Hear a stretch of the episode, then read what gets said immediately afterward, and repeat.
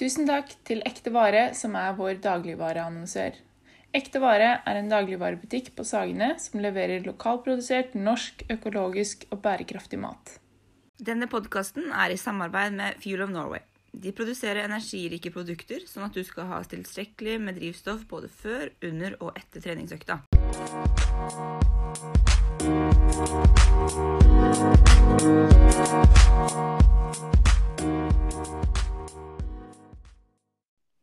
Hei og velkommen til eh, en ny episode av Den kvinnelige utleveren. Nå er vi på episode fem, stemmer ikke det, Gina? Jo, det stemmer. Så nå er vi godt i gang nå. Nå må vi snart holde tunga rett i munnen når vi skal begynne å telle episoder. Ja, vi må fortsette. se. Og um, det andre i dag er det andre episoden hvor vi har med oss en gjest. Så det er jo veldig gøy og spennende, og lærerikt, ikke minst. Det er veldig stas. Vi blir jo nesten litt starstruck. Nei da. Ja. Nei. For nå har vi jo bobla snakka en del om menstruasjonssyklus og utholdenhetsprestasjon. Og um, eh, prevensjonsmiddel og utholdenhetsprestasjon. Og delt mye våre erfaringer fra det å være utholdenhetsutøver uh, eller kvinnelig utholdenhetsutøver. Og så tenkte vi å snakke litt med andre kvinnelige utholdenhetsutøvere om deres erfaring fra det å trene i forhold til menstruasjonssyklus og prevensjonsmiddel. Um, så vi har jo med en løper i dagens episode. Ja, hun er, eh, hun er løper med stor L. Ja. Hun eh, heter Ida Bergsløkken, som vi nevntes i forrige episode. Og hun er um, spesielt god på halvmaraton. Hun har jo noen sinnssykt raske maraton Eller én. Ett et maraton har hun vel løpt, og det var også en sinnssykt rask tid. Jeg tror hun løp på 2,45 eller noe sånt nå. Okay. oi. Eh, og hun har noen raske 10, 10 og 5 km, men det er halvmaraton hun er liksom, ja, vassest på, da. Ja. Men eh, hun eh, Det er ikke bare derfor vi vil ha henne på besøk. Hun er også veldig god innenfor ernæring. og har mye egen erfaring knyttet til både trening, syklus og hvordan hun, har, hvordan hun eh, spiser. Da. Og ikke minst har hun også erfaring, praktisk erfaring fra å være med både skiskytterlandslaget og Great Britain på tur og lage mat og kosthold, eh, eller tilpasse kostholdet til deres treningsplan og samlingsplan. Så det jo veldig spennende å høre mer om hvordan hun har jobba med teorien, det hun har lært om ernæring, og gjennomført det i praksis. Så um, denne episoden her er eh, Her kommer det mye info. Eh, Ida sitter på mye kunnskap og erfaring som jeg hadde lyst til å dele med oss og med dere. Så håper dere er like, blir like inspirert som det i hvert fall jeg ble, til å bli litt mer bevisst på kosthold og i hvert fall planlegge litt eh, kosthold i forhold til trening. Denne episoden her har eh, masse matnyttig informasjon til deg som kvinnelig idrettsutøver. Ida deler både erfaringer og kunnskap, så jeg tenker vi bare sier eh, god lytt, jeg. Ja, kos dere.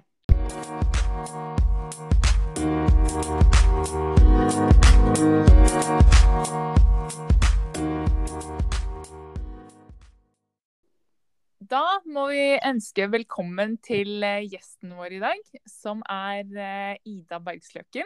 Hei, Ida. Hei. Takk for at jeg fikk komme. Veldig hyggelig å få ha deg med her i dag. Du er jo både idrettsutøver selv, og du har mye utdanning eh, innenfor et relevant tema for oss jenter. Så vi har mye vi ønsker å snakke med deg om i dag.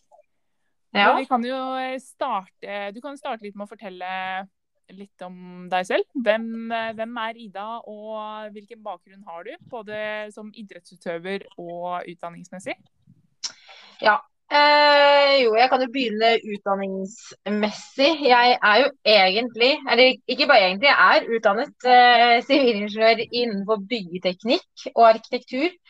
Um, men ehm, eh, ja, det var vel ferdig som i 2012. eh, og etter, har alltid vært veldig interessert i kosthold og trening og sånn, og løping ved siden av.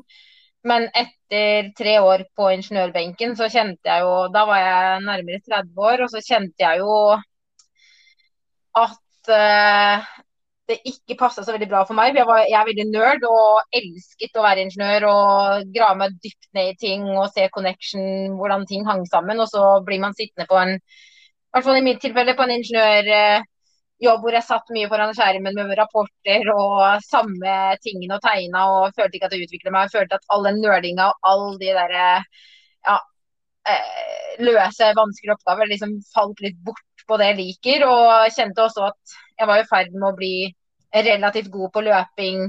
I, det var i 2015, da.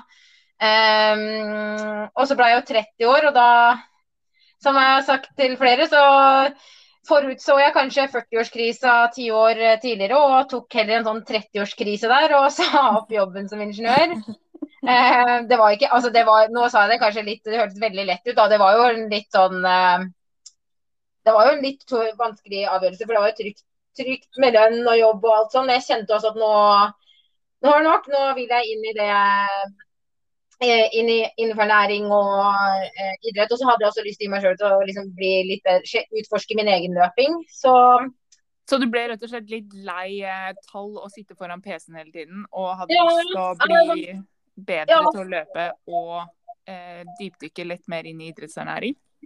Ja, altså var vel, tallene var vel ikke de som var lei. Det var vel nesten mer at jeg følte at jeg satt med Jeg trodde liksom kanskje ingeniørtilværelsen skulle være litt annerledes. Liksom, å bare sitte foran en pult og bare sitte på Jeg syns ikke jeg fikk de utfordringene jeg, som jeg trives med. Da. Jeg liker veldig godt å utfordre hodet på den måten. Ikke bare sitte og gjøre sånn slavisk ting igjen og igjen. Og det blei sånn for meg akkurat da.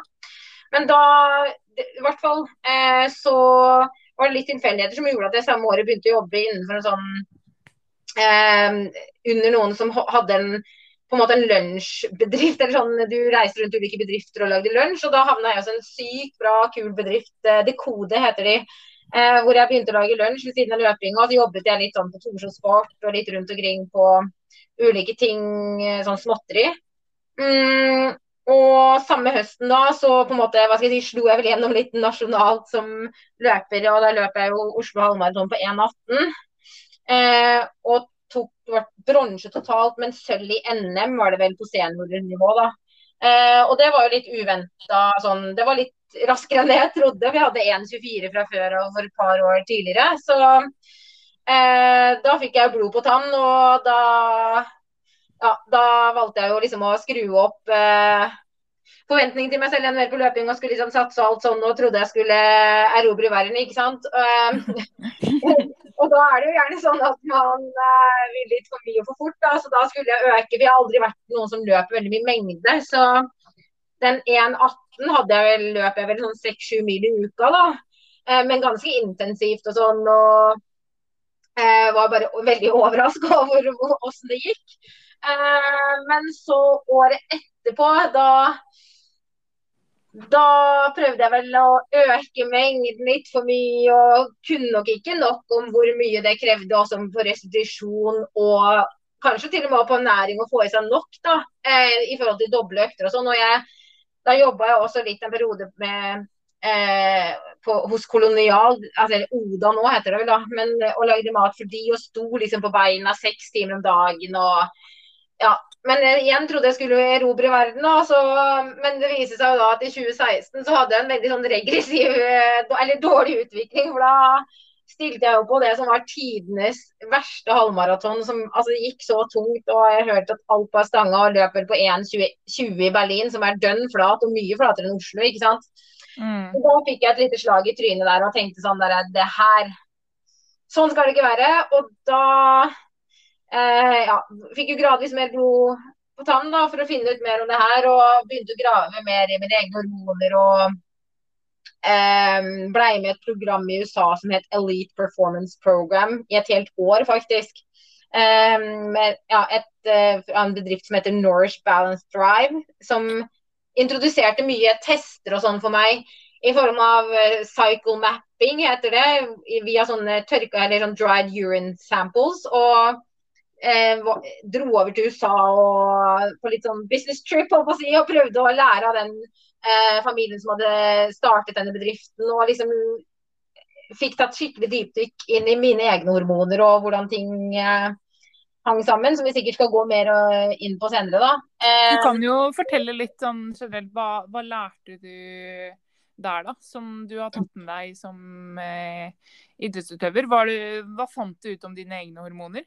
Nei, akkurat da så var det jo Som sagt, da, så kjente jeg jo at i 20 Når jeg prøvde på en måte, Det er jo litt sånn rart hvordan man egentlig vet i underbevissthet at ok, nå har jeg kanskje stressa litt for mye. Jeg føler jo egentlig meg ganske sliten.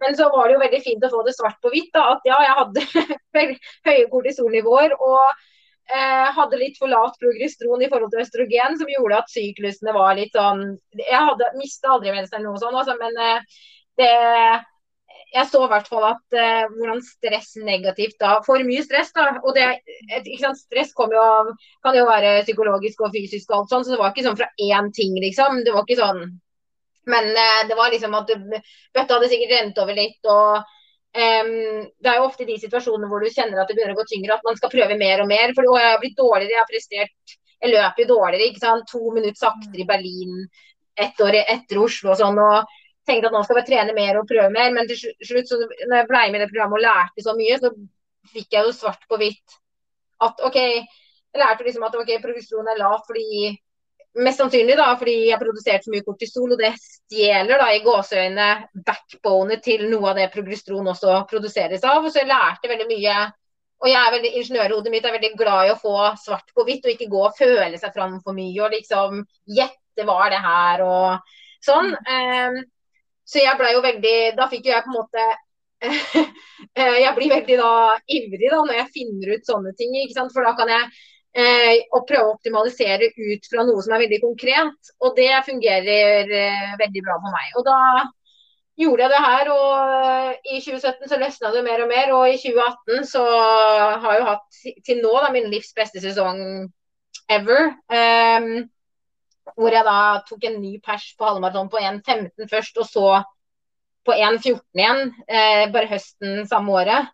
Um, ja, og det var det var òg en sesong hvor jeg igjen løp ganske lite. Selvfølgelig hadde jeg mye mengde da pga. det lille stresset i året, kanskje 2016, men da var jeg nok veldig balanse i forhold til stress og Det viser seg gang på gang at liksom, den balansen der er nok eh, for meg det som eh, har vært viktig i forhold til å komme i form. Da, at eh, tørre å liksom eh, slippe opp hvis man kjenner at det butter litt imot. Og selvfølgelig, hvis man skal bli bedre, så må man jo noen ganger inn med mer mengde. Så det er ikke sånn at jeg alltid skal løpe lite og sånn, for jeg har jo løpt mer nå. Men, men man lærer jo hvordan man kanskje kan se tegn på at man har for mye stress, eller liksom at man har klemt opp hardt tidligere, da. Um, Men vil du komme inn på litt sånn konkret hva slags um, tegn du får når du uh, er i ubalanse, eller kjenner at eh, ting, at det er for mye stress, f.eks. Hva, hva, slags, Ja. hva er det som sier deg at nå er det for mye stress? Hva slags reaksjoner får du i kroppen da? Nei, altså For min del så jeg, jeg føler at jeg har brukt ganske mange år nå på å bli kjent med syklus og sånn. Um, jeg begynte å tracke liksom så vidt ja, rundt da 2015-2016, men da litt mer sånn, da var det ikke så mye apper og sånn, så det var litt mer sånn prøvde å skrive ned for egen hånd. og eh, skal komme inn på det, men tok jo også de der hormon cycle mapping, som det heter, som er Dutch test, heter det, som står liksom dried urine test comprehensive hormone profile, et eller annet sånn litt langt, men forkorta til Dutch test. Og ehm, jeg har lært jo mye av det, for da ble jeg veldig bevisst på hvordan mine hormoner var. Og da så jeg jo Men sånn, hvis jeg skulle bare sånn ut fra hvordan jeg etter det, hvordan jeg føler meg, er jo at eh, syklusene kan f.eks. bli litt, for min del, bli bitte litt lengre. Ikke sånn derre at jeg hopper over en, men at de kanskje drar ut med en uke ekstra. Og eh, de gangene jeg har mest stress, så er det også de gangene jeg får mest symptomer i form negative symptomer. Og at mer liksom verre PMS og verre mensensmerter. Um, Så det at du har for stor totalbelastning eller for mye stress på kroppen, det slår veldig ut på syklusen, da? Ja, ja, det er egentlig det jeg Altså, det er jo uh, Ja, uh, egentlig. Og jeg har bare erfart at når Det er nesten sånn at på eh, At jeg har erfart at hvis jeg klarer å holde ikke, Det er ikke sånn at mengde um, eller ganske jevnt sig med trening, men jeg regulerer veldig mye opp og ned. uh, intensiteten Jeg er veldig sånn dagsformløper, og selv om jeg har en plan, så er det sånn at prøver så godt det lar seg gjøre. Det er noen ganger, altså Jeg blir hissig på grøt noen ganger og brenner krutt i alle ender liksom på en eller annen økt. Altså. For det blir jo, ja, Jeg har jo sånne regler at du skal ha siste dager, f.eks. på 1000 meter skal alltid være raskere enn første dag. Og hvis jeg begynner første dag altfor fart, så blir det jo et helvete, liksom. Men uh, det er jo det er noe helt annet. Men uh, um, jeg Litt mer kontroll. Du har kanskje begynt å ha Istedenfor å skulle pushe all out på alle intervaller, så holder du litt mer kontrollerte intervaller. Og du, det er ikke sånn at du pusher gjennom eh, en langtur på to-tre mil hvis du kjenner etter en mil at uh, i dag er jeg tung. At du tar litt sånn Nei, det... Nei, og så er det jo litt sånn til bare sånn i forhold til å kjenne det. For det jeg mente med at jeg har gjerne litt sånn ganske jevn Jeg kan ha jevn belastning gjennom en hel syklus. Men første delen så har jeg jo gjerne veldig høy Da liker jeg å pushe mer og kan jeg restituere mye bedre og sånn. Og siste halvdel så kan det være at jeg til og med jeg kan ha nesten mer mengde da noen ganger, men mye mer kontrollert ofte. Og prøver liksom å da bytte ut andre økter med bare sånn goggeturer langt oppi Nå har jeg vært mye i skogen her og sånn, og da går det jo sakte, men da får man jo At man kan jo bygge en god base og bygge mye eh, arob-kapasitet i den, i den fasen, da, uten at man klemmer på for hardt. For jeg merker at hvis jeg går f.eks. all in da, i den i hvert fall siste delen eh, før eh, mensen, så så kan jeg bli liksom helt sånn nesten sånn, føler meg nesten litt sånn utslitt i et par dager hvis jeg går sånn skikkelig hardt ut. da. Mm. Um, så det er egentlig bare litt sånne ting som jeg har lært meg til. Og det hjelper jo når man er klar over at nå kom igjen en, Nå vet jeg at sånn cirka nå kom igjen en dårlig fase, så vet jeg at, at jeg er fortsatt like dritt på trening, men siden jeg vet at i dag kommer det til å gå dårlig, så, eller tungt, så er det noen ganger at man også får litt aha-opplevelse. at man det varierer jo litt, så plutselig får man aha-opplevelse at det faktisk går lettere òg. Så jeg synes at i stedet for at Før så brukte jeg mye krefter på å irritere meg over det fordi jeg ikke hadde så visste ikke liksom f.eks. når det symptomene kom. Nå vet jeg liksom at å, nå kommer det til å bli en tøff uke, men da blir jeg også litt motivert til å liksom gjennomføre, men på basis av hva slags dagsform jeg har. da, på en måte. Så jeg klarer liksom å skru av Eller skru om da litt. Ja, jeg skjønner du. Det er veldig sunt den tilnærmingen du har òg, da. At du klarer ja, å liksom, legge litt press, liksom. Ja, det er jo ganger at man faktisk Det er jo, tror jeg Henriette sa en gang på en tidligere podkast her, men at man hvis man har den litt sånn derre OK, nå er du bare Noen ganger så er det sånn du er tøff som kommer deg ut døra, liksom. Det er ikke sånn at jeg har så vanvittige symptomer, men man blir jo litt sånn Det er ikke bare på det fysiske, men jeg kjenner litt, og litt et par-tre dager eh, mot slutten der eh, av eh, lutealfasen at man blir litt sånn Altså ikke deprimert, da, men man blir jo litt nedstemt og kan kjenne på mer angst noen dager. sånn, og Da er det egentlig bare deilig å trene, men ofte så koster det litt mer for hodet å komme seg ut. Men da har jeg liksom en regel at i dag er alt, alt lov, å si. Det viktigste er at du kommer deg ut. Og så som regel så blir det mye bedre enn det jeg forventer, da. Um, for man kan jo føle seg litt tyngre. ikke sant? Man, ofte så kan man jo få et par kilo på seg på vannvekt. altså Det er jo litt sånne ting som skjer der, liksom. Og, Men uh, du ja du sier jo nå, du har vært mye om at du har begynt å planlagt litt, eller justert treninga litt etter syklus. Og mm. har det bidratt til at du får en mer stabil syklus, og du har, føler deg litt mer um, ja, at du har, føler at du har bedre kontroll både på treninga og at du sørger for at du har progresjon og ikke stagnerer, sånn som du gjorde den perioden når du plutselig løp mye dårligere på halvmaraton?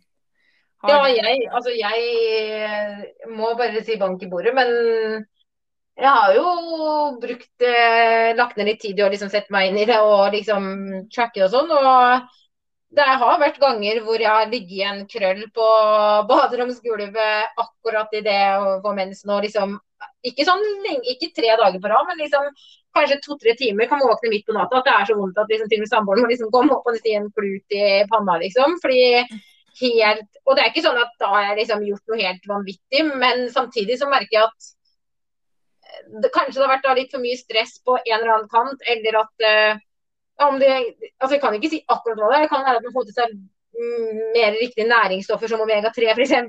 Altså det er masse forskjellige faktorer, og det kan du ikke vite akkurat hva. Men etter å ha tracka en stund nå, sånn, så kan jeg bare banke i bordet og si at uh, har ikke vært veldig mye plaga nå i det siste. Eh, liksom sånn at i stedet for å ligge den krøllen på baderomsgulvet, så var jeg ute på langtur nå i den fasen her forrige gang. og OK, det sleit litt de første fem kilometerne, men og måtte liksom lage litt sånn ah, Det gjør litt vondt, men så slapp det, og da blir jeg litt sånn Fy fader, dette er rått, da. Så ja, liksom, Yes, I won! men sånn, sånn helt eh, sånn, Hvis vi er helt konkret, da. Du har begynt å bli bedre på å periodisere treninga etter syklus. Ja. Eh, og du har blitt bedre på å justere totalbelastningen i hverdagen. Eh, ja, jeg føler det. Og så litt sånn i forhold til kosthold og sånn, at jeg tenker òg ja. at uh, Prøver å supporte liksom siste Altså, jeg føler jo at i den første delen av sykehusen så er man jo Kan man liksom Man tåler mer, man er litt mindre påvirka av hormoner, så da tenker jeg ikke så Da trenger man ikke å på en måte planlegge så nøye, men siste del av syklusen så prøver jeg å være litt uh, ekstra flink til å få i meg sunne fettsyrer og uh, liksom ta på litt ekstra liksom, omega Om du tar tilskudd av omega-3 eller liksom, sånn fish oil supplement eller noe sånt. og passe på pass, D-vitaminnivåene, ta liksom jevnlig kontroll og sjekker at de er godt oppi der. Eh, innenfor normalen, men helst på den litt, litt øvre sida, da. Mm. Eh, og eh, sunt fett og nok. Det å merke forskjellen på i den siste delen, er at mm, Det er jo òg vist, men man er jo ikke så flink til å i hvert fall hjemme til sånn tappe inn i karbohydratlagrene på samme måte som vi er i den første delen av syklusen. Sånn at jeg merker for, spesielt forskjell på at jeg får inn eh, liksom får inn mer karbohydrater, lettilgjengelige karbohydrater underveis i hardere økter, og kanskje mer rett før. At man liksom støtter opp, sånn at man ikke liksom sliter mer på kroppen jeg merker forskjellen på det. da, At det har stor virkning på de harde øktene liksom, som jeg vil ha i den siste delen av syklusen.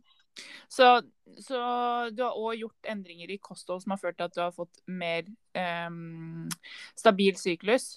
Og spesielt ja, jeg, tror, jeg, jeg, kan jo ikke si at det er det, men det, det, det, er, jo, det er jo bedre enn ja, Jeg har jo hatt det mye bedre der enn på en måte, Det er veldig mer, mye mer forutsigbart nå det siste året Eller to siste årene kanskje til og med. Men eh, Og jeg har tenkt mer og mer på det, på en måte. da, Så må jo bare tenke at eh, um, det har noe å si, da. Det er jo sikkert en kombinasjon av mange ting som har gjort at du har fått en mer stabil syklus. Og at mm. prestasjonene har eh, blitt bedre som følge av eh, endringer du har gjort i hverdagen og treningsmengden, som ofte er, er det jo kompleks. Det er mange ting som gjør at du blir bedre. Ja, altså det er derfor det er farlig å si liksom Det er jo veldig individuelt, og derfor er jeg, sånn, er jeg ikke så glad i å Eller det er veldig farlig å si akkurat hva som har vært utslagsgivende, for jeg tror egentlig sånn at det er komplekst. sånn at det er viktig at Jeg liker jo best å gå inn på den enkelte og eh, det er veldig viktig å tenke at alle er forskjellige, sånn at det som fungerer for én, er ikke sikkert. Men jeg tror liksom at liksom, trenden Men det handler i Jeg har bare lært at det handler i stor grad om å tenke hva Du må liksom skrive ned eller tenke på alt som kan være stress, negativt stress på systemet, og så må man egentlig bare nøste opp i det fra der, da. Um, og egentlig eksperimentere litt og finne ut litt. Men uh, uh, ja. Mm. Men, men, det må være ekstra nøye med, med karbohydratene og sånn. F.eks. før uh, før og under tunge økter i, mm. den, i lutealfasen. Føler du at det har hjulpet noe med på restitusjonen også? Ja, altså, Det er jo vanskelig å si, men jeg må jo må nesten velge å si på Ja da, fordi jeg føler jo Men det har jo to, det er to sider, da. fordi samtidig som jeg kanskje tilfører mer, så hvis man òg er litt mer kontrollert i intensiteten, så vil du få litt hjelp til å holde Altså det vil jo bli lettere på systemet begge deler, da. Så, men det mm. tror jeg bare er en heldig effekt. Men jeg kjenner i hvert fall at uh, jeg, jeg, føler liksom at fordi det er litt lett å bli sånn I første delen av syklusen kan man komme unna med litt sånn eh, mindre planlagte ting, og at man kan kjøre på litt hardere og man tåler mer. og Det er lettere for oss, og da, vi, da har vi litt høyere eh, At vi kommer lettere til karbohydratlagene våre. da. Um, for da, da, er vi liksom mer som menn i hormoner, på en måte, så de har det jo kanskje litt mer sånn jevnt hele tida, ikke sant. Mens um, jeg tror det er viktig å tenke bare I stedet for å prøve å i stedet for ikke sette seg inn i det og prøve ut å variere kosthold i forhold til syklus, så tror jeg at man kan få veldig mye ut av det ved å bare tenke at ja, ja, men nå må jeg bare være jeg må være bare on top of the game, jeg må være mer flink med det nå. Um, da tror jeg også at Det kan også kanskje ha en liten slags placeboeffekt. For hvis du tar litt ekstra vare på det da, og tenk, planlegger litt ekstra akkurat den på en måte siste del av syklusen, så tror jeg òg at du får litt placeboeffekt for at du tar mer vare på deg sjøl og sånn, men samtidig òg at du har fått, fått inn litt ekstra da, eh, på tanken, holdt på å si, så du har litt mer å ta i eh, med, da. Mm -hmm. Men um, hvis vi går over litt på ja. Eh, et, et uh, annet spørsmål. Nå har du jo snakket mye om uh, dine erfaringer og hva du har lært, og utdanningen din og sånne ting. Og ja, det, det høres ut som det er en... Men jeg har vel egentlig Jeg stoppa jo litt opp i uh, Ja, at jeg jobber som ingeniør og sa at jeg å jobbe som bare som lunsjkokk. Men jeg har jo gjort litt mer enn det. Men jeg kan jo sikkert ja, vi kan jo gå, eller, Du kan jo forklare nå, i den livssituasjonen du er i nå, hvordan ser en helt vanlig dag ut for Ida? Hva gjør du nå om dagen? Hvis du begynner, kan du egentlig bare begynne med når du står opp om morgenen. Hva gjør du da? Og når står du opp? Ja. Um, nei, jeg er jo veldig glad i å stå opp. jeg er jo skikkelig Ja, det her er jo sikkert kvalmt og sånn, men jeg elsker morgenene. Så eh, hvis det er eh, jeg, Altså, det er ikke sånn, jeg står ikke gjerne opp klokka seks. Jeg står gjerne opp kanskje kvart over seks, halv sju, da. Eh, men hvis det er sånn at jeg skal rekke å ta en økt med samboeren f.eks. før jobb, så står jeg gjerne opp klokka seks for å ta den med han, da. For jeg liker Jeg er veldig produktiv både når det gjelder løping, men òg eh, tankevirksomhet og sånn. Eh, den tidligere delen av dagen sånn før lunsj, liksom. Da liker jeg å sette meg ned og lese artikler og eh, få unna jobb og sånn. Eh, så det er vel egentlig stort sett det som det går i, da. Svare på mail. Eh, men er du da Trener du før frokost? Eh, det gjør jeg noen ganger, men det kommer litt an på hva slags type økt det er. Det blir jo ofte ordentlig frokost etter økta, da, selv om det er liksom litt en intervalløkt. Så eh, planlegger Jeg trener jo ganske tidlig ofte, men mm. hvis det er intervalløkt, så tenker jeg veldig mye på hva jeg spiser til middagen før og kveldsmat. At jeg får inn ekstra karbohydrater og sånn på tanken da. Og så tar man kanskje en liten snack der når jeg står opp, altså om det er Altså, det er helt interessant om det er noe riskake med litt banan og peanøttsmør eller tahini på, eller om det er en banan med litt peanøttsmør på. Det trenger jo ikke å være så veldig mye, bare at man får inn noe. Eh, men det krever jo da at man har lada opp bra dagen før, da. Eh, og hvis det er en ekstra hard økt, så kan det være at man smeller inn på en gel eller ja, jeg kan ha tatt en Red Bull og sånn, og jeg er 20 minutter før for å få enda litt ekstra karbo inn i tanken. Sånn at eh, det spørs litt. Hvis det er en terskeløkt, så kommer jeg fint unna med liksom bare en liten snack. Men hvis det er eh, eh, hardere, så De hardere pleier vel egentlig ofte å ta i helgene hvor det er litt mer muligheter til å vente litt, da. Men eh, eh ja. Og så nærmer det seg eh, lunsj, da. Hva ja, så er det jo lunsj, da. Ja. da vi, da lager vi lunsj, da. Nei. Uh, jeg er veldig fan av liksom Jeg er veldig fan av egg. Altså sånn go to lunsj er kanskje um, eggerøre med litt ferske greens fra hagen som vi har tilgang til nå. Og um, avokado, litt green salat. Um, ulike andre grønnsaker, om det er noen rester av søtpotet eller noe sånt fra dagen før. Og Eh, om det er knekkebrød, eller jeg bruker også noen ganger sånn glutenfrie tortilla-lefser ved siden av.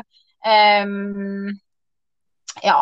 Det kan være variert. Du har mye, det er mye digg mat, egentlig, høres ut som.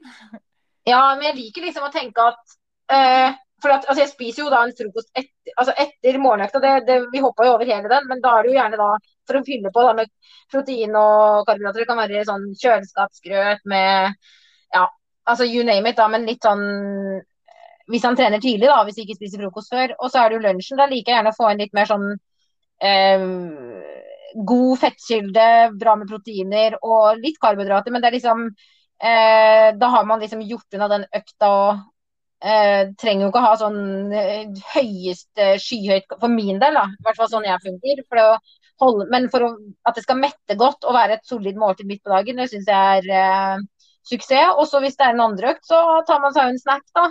Um, det kan jo Jeg pleier å bake noe sånn derre um, bananbrød, banana bread muffins, eller om det er bananbrød, eller eh, søtpotet, eh, brownies Altså masse Det kan være sånn, eller det kan være eh, ja, granola i yoghurt. Altså det, det er liksom litt sånn det man har da, egentlig, hvis man skal ut på en andre økt. Og så er det jo det, og så er det jo middag.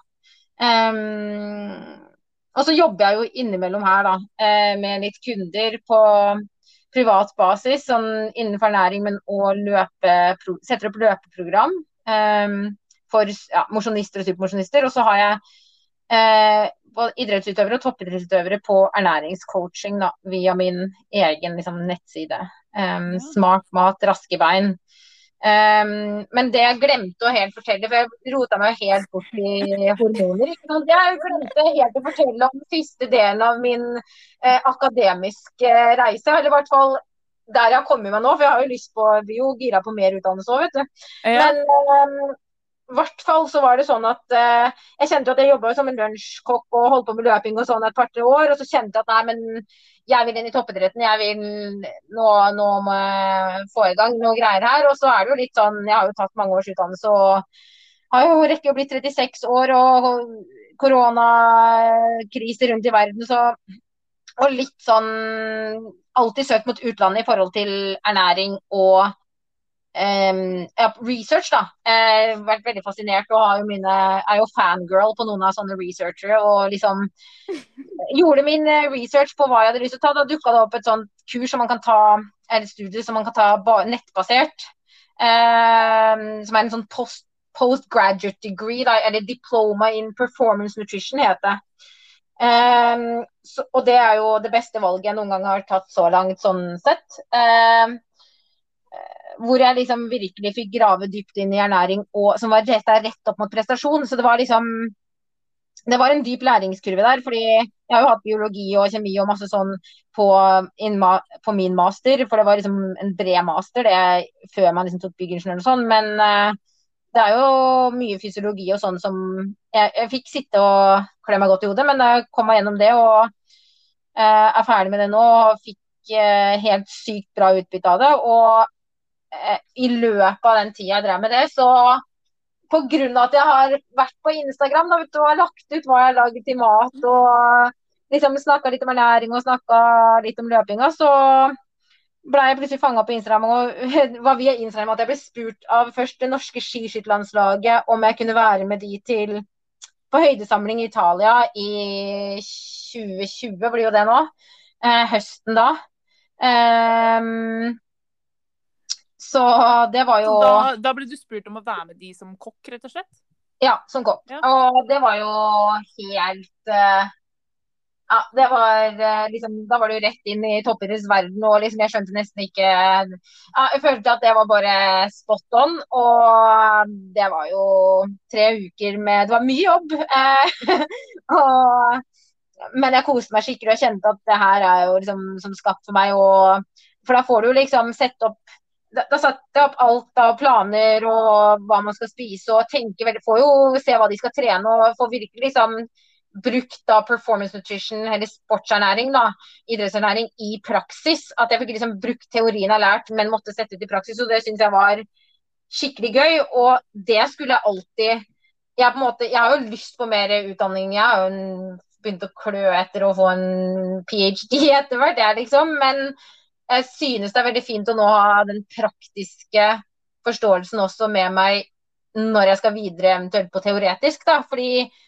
da fikk man liksom være tett på idrettsutøvere og se hvordan det fungerer i en treningshverdag. Og selv om det ser fint ut på papir at det og det og det skal spises til da og da, så skal det òg være praktisk mulig å gjennomføre. Og det skal være Man skal ha lyst på det, det skal være godt. Skal, mat er jo ikke bare Det skal jo være litt kos, på en måte. Det så det er mye sånne nyanser som jeg bare syns var skikkelig kult å flette sammen. Og ja, jeg syns det er dritkult å varte opp folk og lage gode opplevelser. Da. Jo, men også at vi får litt aha-opplevelse. At shit, det der er jo egentlig det, det, der hadde jeg ikke trodd skulle blitt så godt. Da. At man får litt sånn Jeg liker sånn at man får aha-opplevelser. Men som at det er prestasjonsernæring. Det er liksom skikkelig bra mat og godt innhold av næringsstoffer og sånn uten at det liksom blir kjipt, da. Så det syns jeg har vært eh, veldig gøy, og der har jeg følt at jeg har gjort en god jobb og fått gode tilbakemeldinger på. Så ja, det, jeg, jeg tror, eh, der tror jeg veldig mange idrettsutøvere har en del å lære. For i hvert fall i Nå kommer jeg fra langrennsmiljøet, mm. eh, og der er det jo mye sånn at man propper innpå eh, potetgull og sjokolade og snacks. Og jeg mener jo at det selvfølgelig, det må inn. Det er viktig å kose seg med det innimellom. Men det er veldig mye i langrennsmiljøet, i hvert fall noen miljø. Um, jo, men jeg tror liksom Jeg tenker at det finnes òg veldig mye god mat eh, som man kan lage og likevel få i seg nok karbohydrater. For du har sikkert nå eh, lært mye i forhold til prosentfordeling karbohydrat, fett, protein som idrettsutøvere skal ha i seg i løpet av en dag. Og så ja. når man sitter og lager måltidsplaner, eh, så ser man at OK, det, kan, det er ganske greit å legge inn matvarer og få prosent, eh, den prosenten man vil ha med karbohydrat, fett og protein. Men i virkeligheten så er det ikke sikkert det smaker så godt. Eh, så Nei, også i virkeligheten kanskje... så fungerer det heller ikke sånn. Altså, det er viktigere å det fungerer heller ikke sånn i virkeligheten at man, når, når, en person kommer og ser over bordet, så bare OK, nå skal jeg ta det og det og det for å få akkurat den fordelinga. Så det um, Og jeg tror at det, det går chips det går litt chips og sånn sjokolade og sånn, det har jeg ikke noe mot å putte på på der. Men det er jo i tillegg til alt, da, at ikke det erstatter. Fordi øh, Og det tror jeg har fungert eh, fint der. Og så tror jeg at det er sånn um, Jeg i studio og hvordan jeg òg liker å se på det, så er det sånn Det er veldig enkelt. Det er veldig mye fint da, hvis man går på nettet, så kan man få veldig mye sånn sant, Instagram og gud vet hvor man finner men alle disse måltidsplaner, og det ser så fjongt ut og det ser så fint ut, og den og den fordelinga. Men det blir veldig statisk og veldig sånn Dette er det eneste Det blir veldig sånn ekskluderende av alle ting man faktisk kan spise. Så det jeg tror på, er jo at når jeg lager mat, så tenker jeg alltid at jeg ser på planen, jeg ser hvordan de skal trene og hva de har trent. Og så tenker jeg at ikke sant, Nå har de trent masse, i morgen skal de ha røkt. Da bør vi kanskje ha to til tre kilder med karbohydrater på det bordet her, sånn at man kan bygge inn i bollen sin. liksom.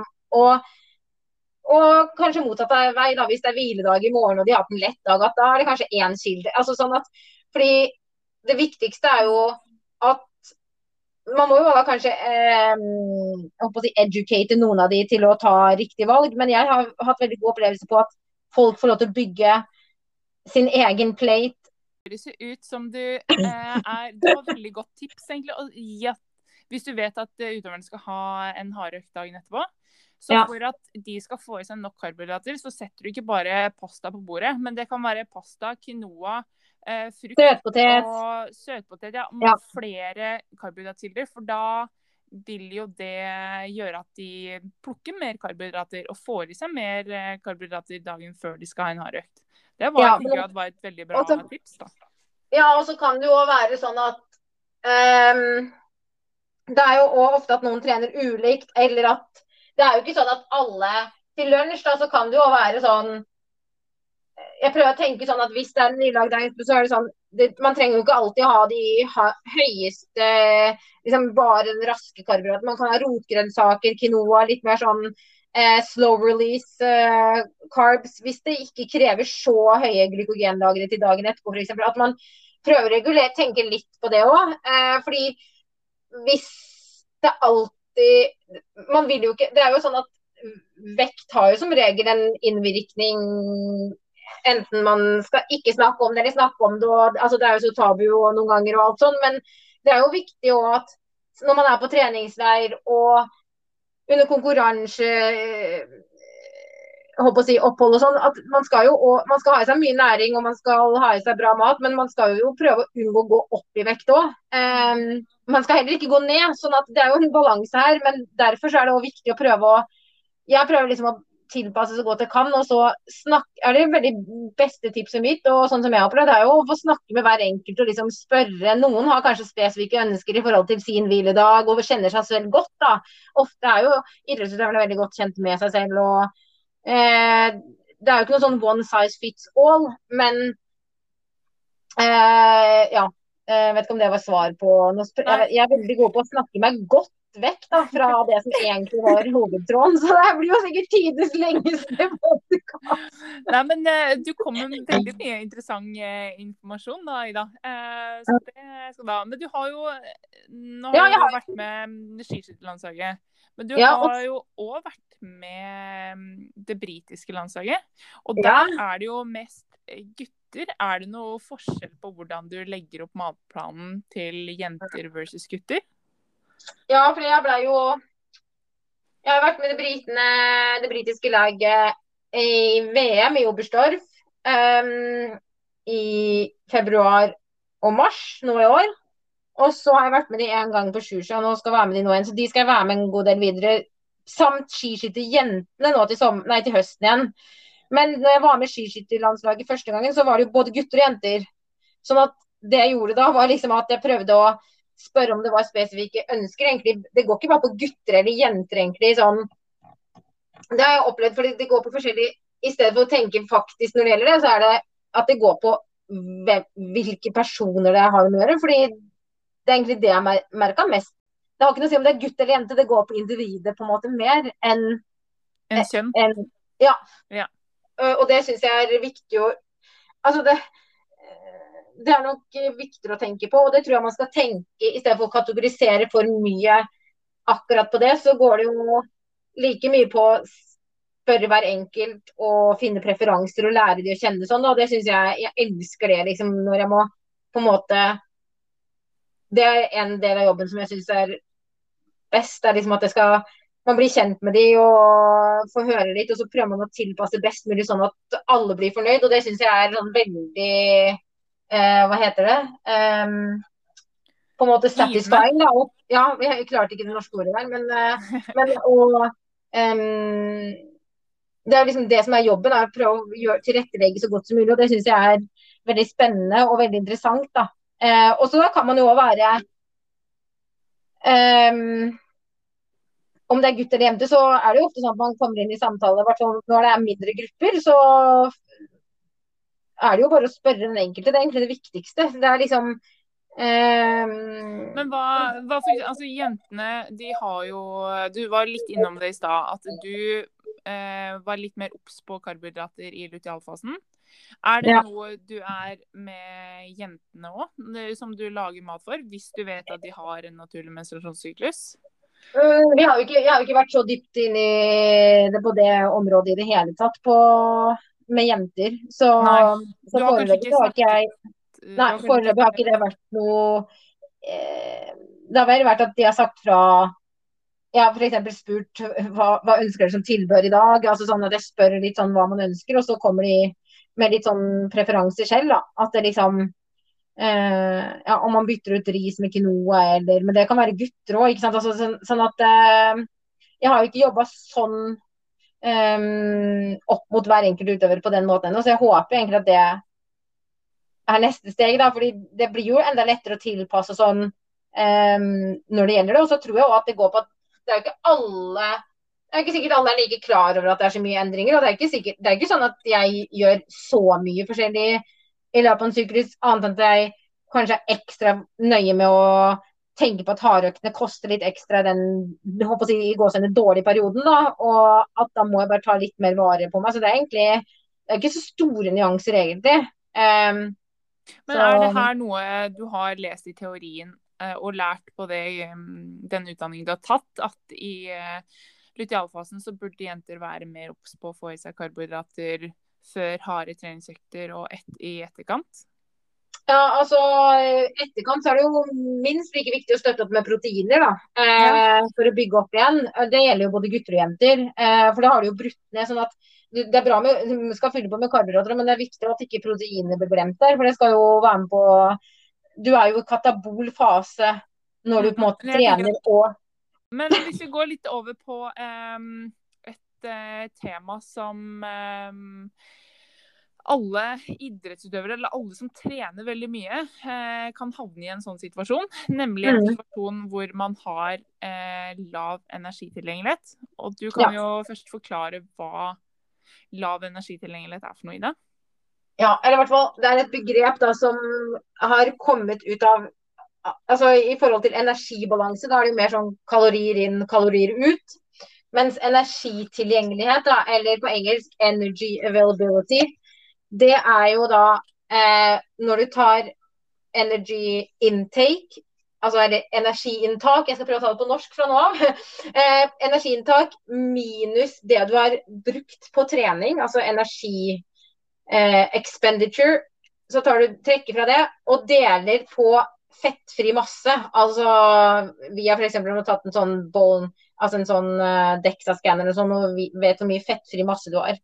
Mm. Da får du ut et uh, tall, f.eks. Uh, 35 kalorier per kilo fettfri masse, som er på en måte da energitilgjengeligheten du har. Og da har det jo blitt gjort masse studier på det her. hvor de har mm, jeg håper å si Dessverre, da, eller hva skal jeg si, så har jo mange av studiene blitt gjort på mer sånn eh, vanlige gåsetøy- gåseøyne. da, Jenter, ikke toppidrettsutøvere. hvor Sånn at det er gjort mye studier på litt mer eh, helt normale som trener bare litt, ikke sant. Eh, som har gjort visse grenser, satt grenser på hva som er optimalt, hva som er suboptimalt, og hva som er klinisk lav energitilgjengelighet. Og da ser man at hvis man kommer da, uten å gå veldig mye mer nærmere inn på, for jeg kan linke til, eller dere kan linke til en artikkel som forklarer det her veldig godt, og hvilke effekter det kan ha på hormoner og beinmasse osv. osv. For jeg tror det er bedre å Det kunne vært en helt annen podkast. Um, men i hvert fall eh, så er det disse grensene da som blir satt. Og da ser man da at hvis jenter dipper under 30 da, kalorier per kilo fettfri masse per dag, så begynner det å få negative effekter for ja, reproduktivitet eller liksom hormoner og kanskje liksom beinmineraltetthet osv. osv. Um, Og organer og Hvis det Ja, går ja, veldig langt, så organer kan det jo gå utover organer òg. Ja, Så- og da er det også da, interessant nok da, så er det jo også da at når man gjør det samme på menn, så ser man at de mest sannsynlig, og etter de studiene som er gjort, har en lavere grense. Altså de kan i gåsehudene tyne mye lengre før det får negative konsekvenser for de. Ehm, nå har vi mensen som er veldig sånn bra bilde på det her, og, og når det bortfaller, så bør man jo begynne å ehm, Da blir det ingen på bjelle. Blir Ja, men gutter har jo ikke det, så de må jo på en måte nesten eh, det, det kommer jo fram til lavt testosteron etter hvert osv., men det, det, syn- det er ikke så eh, obvious, da. Og de tåler da um, på en måte å holde en mer lavere energitilgjengelighet lenger enn oss, uten at du nødvendigvis får uh, sånn negativ utfall med en gang, da. Så det som kan fint er jo Men det som er med den beregninga her, er jo at det er veldig mye feilmarginer i det. Sånn at hvis man skal gjøre det ordentlig og finne ut av det For det første så er det jo veldig mye feilmarginer i eh, når er det det skjer? For det er ikke bare gitt at når du kommer under en viss grense, så skjer det alt det her. Det er jo individuelt igjen. Så det her blir jo veldig sånn det blir veldig sånn at du må forske på på individuelt nivå. Eh, og det er veldig mye feilmarginer som kan komme inn i da energiinntak. Det skal veldig mye til at man klarer å gjøre det veldig nøyaktig. sånn at det blir veldig sånn, Hvis du gjør det her i en lab, så kan du få det veldig nøyaktig, så nøyaktig som mulig. Men det er jo ikke så mange som har mulighet til det. Så det viktigste jeg ser på i det tilfellet her, er jo å gå gjennom det med den idrettsutøveren det gjelder, eller den gruppa det gjelder, og forklare hvordan det her henger sammen. Og så ta f.eks. et regnestykke. og I den artikkelen som jeg skal sende til dere, som dere kan linke til, så står det òg eksempler på eh, ulike liksom, energiinntak og eh, forbrukt energi på trening, sånn at man lettere kan liksom Jeg tror det bare handler om å forstå eh, litt eh, Vi kan jo, mekanikken. At det ikke bare er sånn som Hvis du tar sånn MyFitnessPal og logger jeg har forbrent så mye, da skal jeg kun spise så mye, så er det ikke en For det med energitilgjengelighet, det glemte jeg helt å si. Det, den kalori... Altså det den viser, er de kal kaloriene du har tilgjengelig til systemene i kroppen din etter du har trent, da, som skal bidra til metabolisme og altså, til alle prosesser i kroppen. Holde hormonene gående på bra nivå, hvis du skjønner. Og, Mm. sånn at Det er liksom en, det er en, et bra verktøy for å lære bort hvordan ting funker, men jeg mener at det er så mye feilmarginer i det hvis man skal begynne å gjøre det på egen hånd og logge at at det er veldig vanskelig å si veldig være bastant på akkurat den grensa, sant man ikke har vært i en lab og målt det der, da. Så det er bare viktig å være klar over, liksom.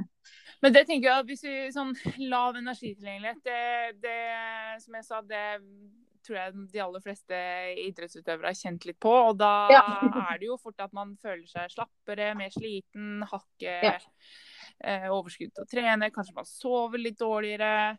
Eh, det kan være mange forskjellige symptomer. Eh, Mm. Har du noen tips til hva man burde gjøre da, hvis man havner, kjenner at man er i en sånn situasjon, eller man tror at man er i en sånn situasjon? Ja, altså det er jo um, For det første så bør man jo oppsøke en som kan hjelpe en med det. En ernæringsterapeut eller ernæringsveileder, eller om det er ernæringsfysiolog. Det får så være. Men i hvert fall noe eh, snakke med treneren om det er tilfellet. Bare for å si at jeg tror kanskje at her er det nå er det stagnert. Jeg lurer på om det er pga. det her. fordi det er jo veldig lett å tenke at ja, men jeg klarer jo å gå ut og trene, det fungerer jo, ja det går litt tungt, men så er det jo sånn ja, men jeg gjennomførte, så da går det sikkert greit. at man, man alle er jo på en måte i gåsehudene ekspert på sin eget matinntak og tenker at så lenge jeg gjennomfører treninga, så er det greit.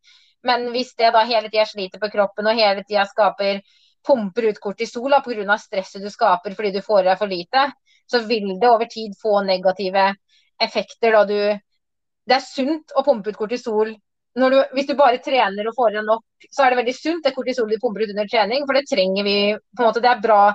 Det frigir jo glukose fra skjelettmuskulaturen, og det skaper energi. Men hvis man har hele tida det kroniske stresset fordi man hele tida underspiser og eller overtrener, og det kan være bevisst eller ubevisst, fordi det er jo sånn ja, sånn som meg, da jeg begynte å trene mer i 2016, så var det litt ubevisst. Jeg, tenk, jeg jobba stressa imellom og altså jeg bare jeg tenkte ikke så mye mer over det. Men man kan jo også være bevisst at man er, nå skal jeg kutte ut alt og nå skal jeg trene hardt og skal virkelig tyne. Sånn at man må i hvert fall finne seg noen å spare med og eh, ja, grave litt dypere. da. Det kan jo være å da f.eks.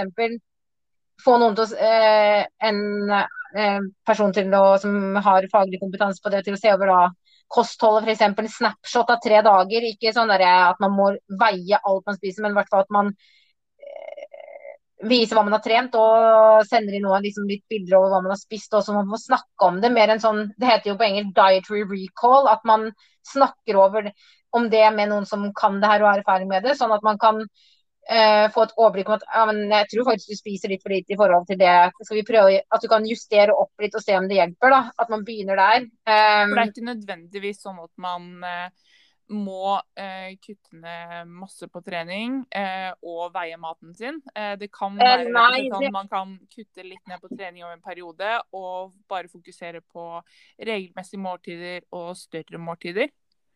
Ja, altså Nå er det jo veldig vanskelig å si akkurat Eller veldig, skal vi ikke være på bestand her, for det kommer så an på hva slags historie. Hvis historien er at du har hatt spiseforstyrrelser og eh, kommet deg opp igjen, og så er du på vei ned Da er det veldig mener jeg det er negativt å ha fokus på kalorier og veie ting, for at det kan jo trigge ting. ikke sant? Sånn at man må Mhm. se personen man snakker med.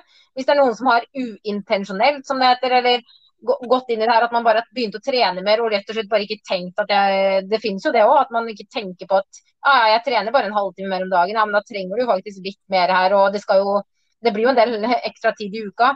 Så handler det kanskje bare om å si ja, men du må bare spise Du må putte på litt ekstra rundt trening her, og kanskje legge til litt ekstra karbohydrater og proteiner etter trening der. Og så på en måte ordner det seg ganske kjapt sjøl. Men i, i utholdenhetsidrett og kanskje, kanskje Man ser jo at det er veldig høy forekomst av det på guttsida, men jentesida har jo vært kjent med at det er Det ser man jo på masse studier at det er høy, høye tilfeller av, av eh, lav energitilgjengelighet og menstrual, nei, menstrual dysfunction, hva heter det på norsk? da? At, eh, Menstruasjonsforstyrrelser. Ja, ja, takk.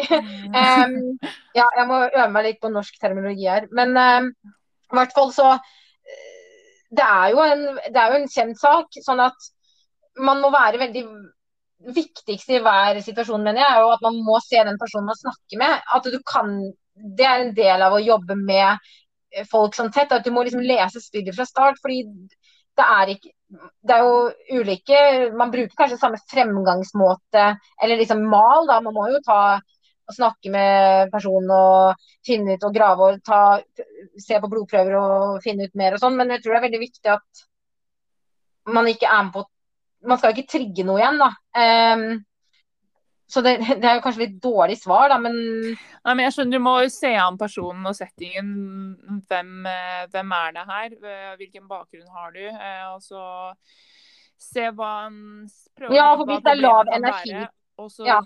eh, legge en plan ut fra det, da. Eh, ja, men eh, hvis man mistenker selv at man har havna i en eh, fase hvor man er i for lav eh, energitilgjengelighet over tid, eh, så vil du anbefale å søke hjelp hos enten lege eller ernæringsfysiolog eller noen som har litt mer peiling på ja. det med lav energitilgjengelighet.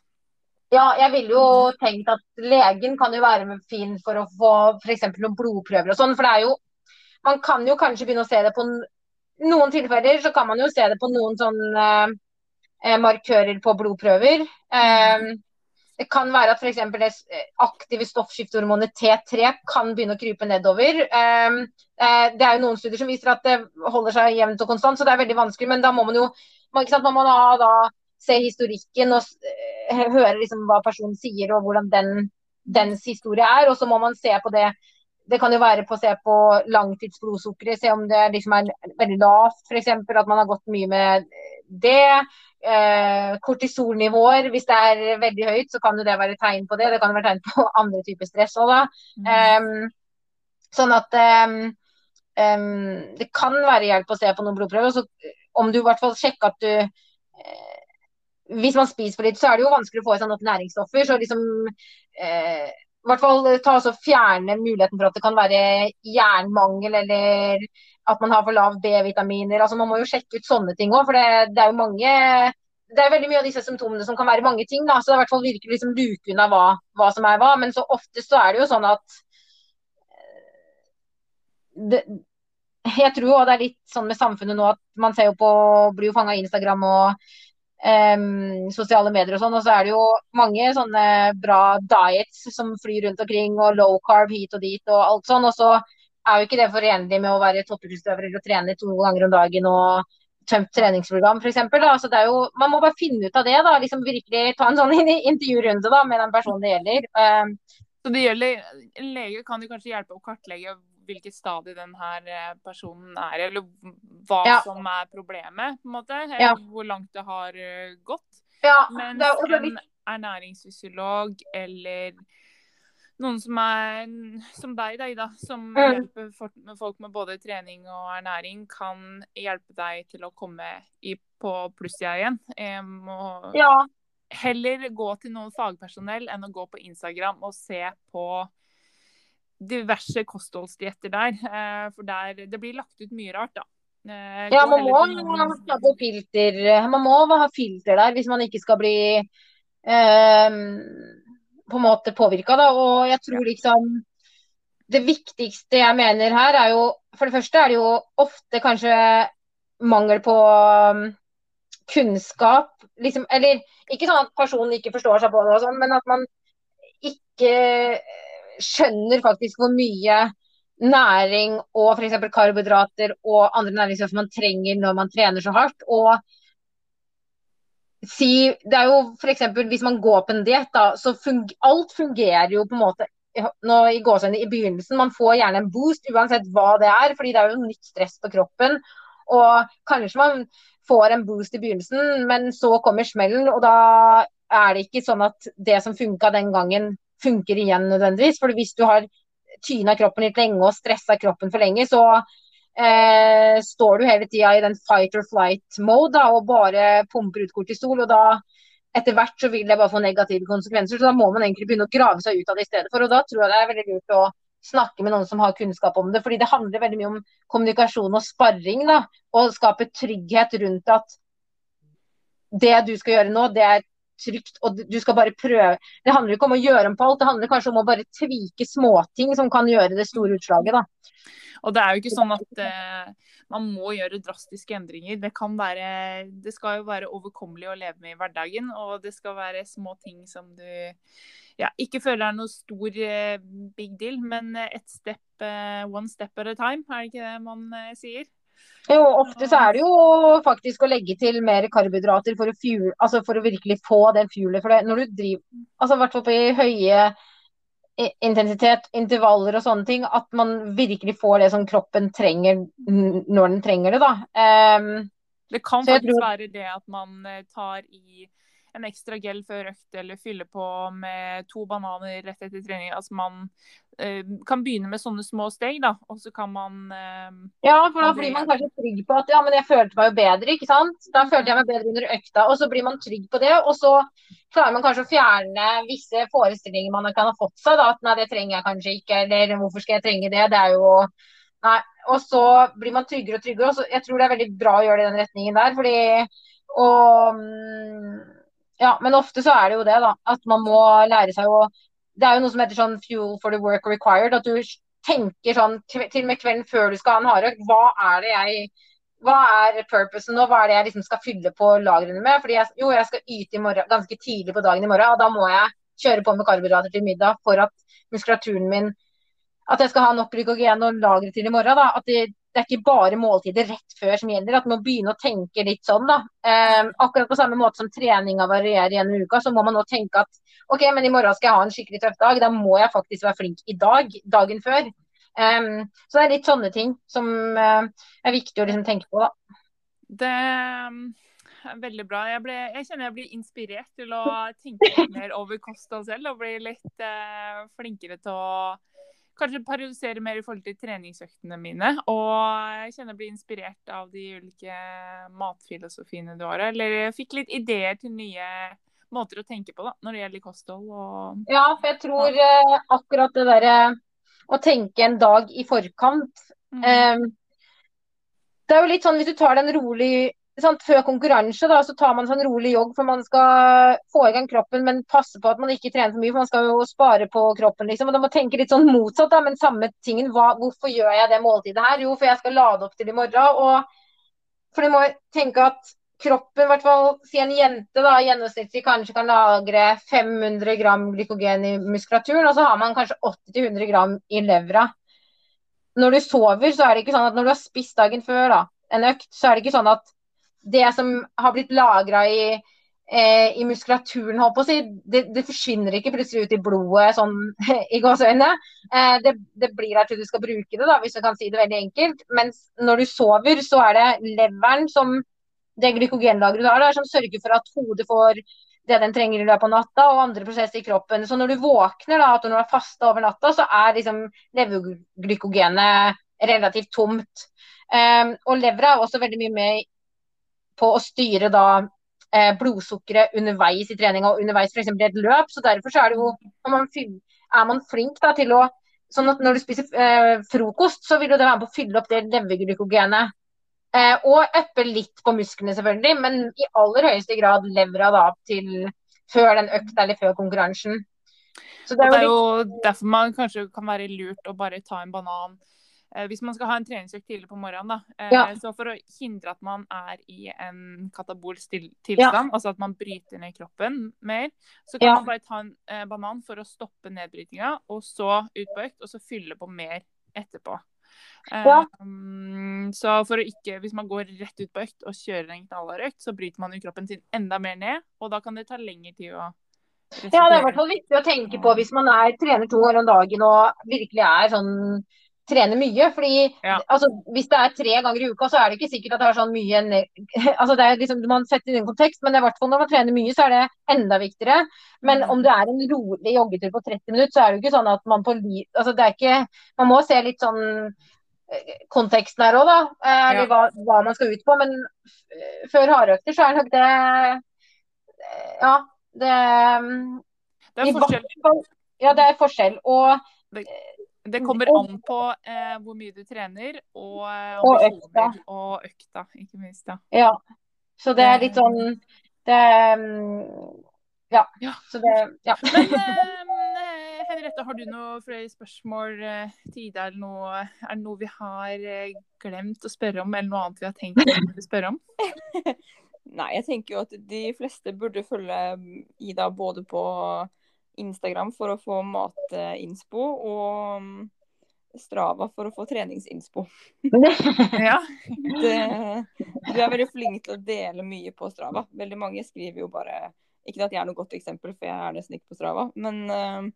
Jeg skriver for mye noen ganger, men Nei, men det er jo nettopp litt kult, da. At du skriver um, At du deler faktisk litt om hvordan du føler deg og Det kunne vært mye verre. liksom- Det, det er gøy at du bruker det som litt treningsdagbok, da. Og det er Ja, um, kult. Men eh, det kunne ha vært mye verre. Så jeg, jeg faktisk, eh, når jeg kommer tilbake Hvis jeg er sånn hissig i hodet underveis i økt og tenker nå skal jeg skrive masse på Strava og bare legge ut en og andre, så må jeg liksom beherske meg litt. Da, liksom.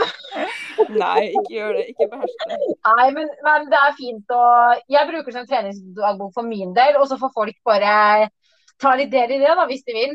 Um, men jeg synes det har vært uh, Jeg liker å bruke det sånn Det er jo litt latmannskap fra min del, for jeg gidder ikke å skrive det så mye. Eller jeg kan jo notere noe annet et sted, men på Garmin eller noe sånt, men uh, ja, det de Jeg, som Det er jo ikke noe vits å skulle skrive flere treningsdagbøker. Og jeg tenker jo Strava er en ypperlig plass for å både dele treningsinspirasjon, kunnskap og ikke minst treningsruter. Eh, så um, jeg skal begynne å følge deg på Strava, Ida. Jeg ser jo, jeg er mye på Strava selv og deler stort sett alle treningsøktene mine der. Og når jeg er ute og løper i nærområdet rundt Kjelsås, det sa jeg jo forrige podda, så ser jeg på segmentene etterpå. Der er ja, Ida Bergsløkken på topp, Ida Bergsløkken på topp. Du har segmentene i området her, så det, det Ja, men jeg går jo- bra form.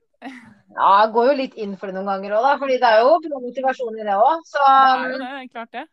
Eh, Men um, um, ja. Men helt uh, avslutningsvis, Ida. Uh, vil, har du et siste tips du har lyst til å gi til eh, aktive jenter?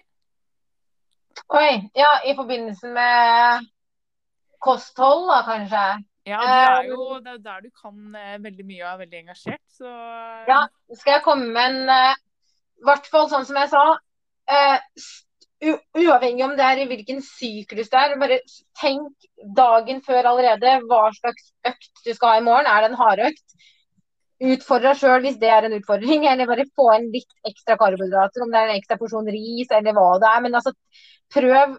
Utfordre deg sjøl litt der og tenk at nå skal jeg lade opp litt ekstra. Se om du får en aha-opplevelse ut av det. Jeg vet at jeg har gjort det, i hvert fall. Eh, det blir liksom flybensin. Ehm, og så ehm, pass på å ikke bare tenke karbohydrater, fett og proteiner, men tenk også at jeg skal prøve å ha en bra blanding av mikronæringsstoffer gjennom uka. Og bare sånn som jeg glemte helt underveis å nevne, var jo at i den spesielt siste delen av fasen, eh, menstruasjonssyklusen, så er det ekstra viktig å kanskje tenke på å få i seg nok magnesium og omega-3. Og det prøver jeg å Jeg tar regelmessig magnesium og omega-3, men at man liksom Det kan være med å eh, dempe PMS-plager og kramper og sånn man kan få. da. Så det er bare liksom et sånt tips både som jeg har eh, lært om, men òg prøvd med god, god suksess.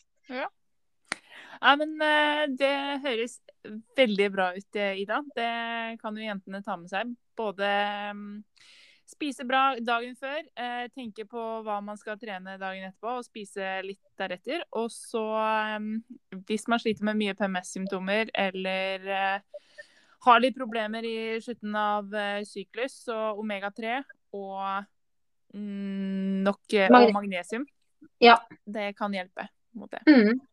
Nei, men uh, Tusen takk for praten, Ida. Det var veldig hyggelig at du hadde lyst til å være med på podkasten vår. At du tok deg tid til det. Du virker som en uh, travel dame så, som har mye å holde på med. Jo da, men uh, jeg har alltid tid til å skravle litt, så Ja, det er bra. Og dele både kunnskap og erfaring. Jeg tror ja. det var mye, mye å plukke opp fra deg her i dag. Jo, takk, men det var veldig hyggelig å få være med. Og jeg syns det er bra at dere setter, eh, setter lys på det her. Og håper at eh, i framtida så er det enda mer spesifikk forskning på ja, hvordan vi kan eh, gjøre det enda bedre og få det enda bedre i løpet av eh, syklus og med endrede hormoner og sånne ting. Så veldig bra. Ja, det er spennende. Nei, men um, det var superbra at du ble med, Ida. Så Yes. ehm, får du bare fortsette å stå på med den eh, eh, med det du holder på med. Da var episode fem av Den kvinnelige utøveren over. Og med det så vil vi takke Ida Bergsløkken for at hun hadde lyst til å gjeste podkasten. Og så tar Henriette og jeg sommerferie, men vi er tilbake om en god måned med flere episoder av Den kvinnelige utøveren. Har du ønsker om tema eller spørsmål, så er det bare å sende det til oss på Instagram, Facebook eller på mail. Så skal vi ta med oss det inn i de neste episodene. Frem til da, ha en riktig god sommer. Kos deg med trening både ute og innendørs. Spis masse is i sola, og kos dere med familie og venner. God sommer!